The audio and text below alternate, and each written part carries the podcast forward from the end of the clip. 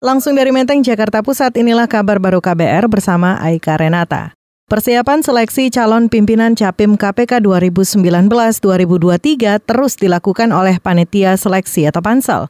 Ketua Pansel Capim KPK Yenti Garnasi menyatakan Pansel saat ini sedang mempersiapkan audiensi tentang radikalisme serta sosialisasi seleksi Capim KPK ke beberapa provinsi. Jadi nanti begitu selesai cuti bersama, kita sudah mulai siapkan bikin audiensi dan roadshow. Kita sudah akan melakukan audiensi ke Kapolri, Jaksa Agung, Kepala BIN, PPATK, ke KPK, dan BNPT untuk radikalisme. Untuk persiapan roadshow ke 8 tempat di beberapa provinsi. Kita bekerja sama dengan Transparansi Internasional Indonesia.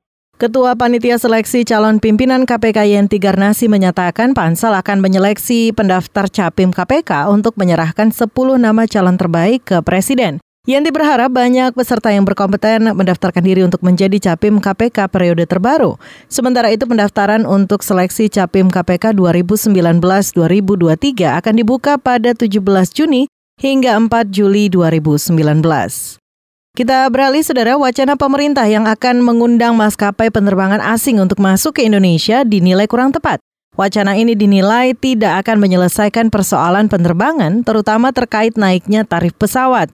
Komisioner Ombudsman RI bidang transportasi Alvin Lee menyatakan harga tiket yang mahal disebabkan karena biaya operasi airlines naik melampaui pertumbuhan daya beli sejak 2014. Menurutnya kondisi ini tidak lepas dari kebijakan transportasi udara di mana tarif batas atas tidak pernah ditinjau dan disesuaikan sejak 2014, sementara biaya operasi terus naik. Persoalan ini dinilai sama dengan tarif batas bawah yang tidak pernah ditinjau sejak 2016.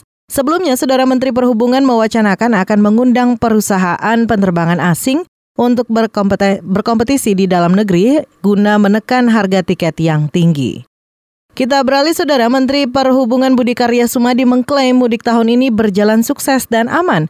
Menurutnya, kerja keras pemerintah dalam membangun infrastruktur berbuah manis, pasalnya tidak banyak terjadi kemacetan. Ya, evaluasi mudik kemarin kami senang karena banyak berita-berita gembira. Ada yang cerita dari Jakarta ke Semarang 6 jam. Nah, ini menandakan bahwa infrastruktur yang dibangun oleh pemerintah memang berguna. Saya tidak bayangkan kalau dalam keadaan seperti tiga tahun yang lalu, bagaimana kita mengurai kemacetan itu. Maka banyak cerita-cerita horor pada saat itu, sekarang tidak lagi cerita itu. Nah ini satu hal yang baik.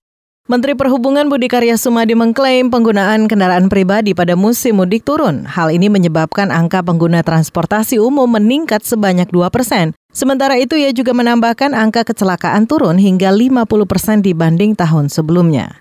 Kita ke satu informasi dari mancanegara saudara Presiden Amerika Serikat Donald Trump akan membekukan program pendidikan, hukum, dan rekreasi bagi anak migran yang berada di dalam tahanan. Pemerintah Amerika menegaskan arus anak-anak yang menyeberangi perbatasan tanpa orang tua atau wali menimbulkan tekanan pada sumber daya lembaga yang bertugas menampung mereka. Sementara itu, lembaga penampung anak migran kantor pemukiman pengungsi meminta Kongres memberikan tambahan dana sebesar 2,88 miliar dolar Amerika atau setara 41 triliun rupiah untuk meningkatkan kapasitas penampung. Sebelumnya petugas perbatasan menangkap belasan ribu anak tanpa pendamping di perbatasan bagian barat daya Amerika pada Mei lalu. Jumlah anak yang ditangkap naik sebesar 80 persen dari tahun sebelumnya.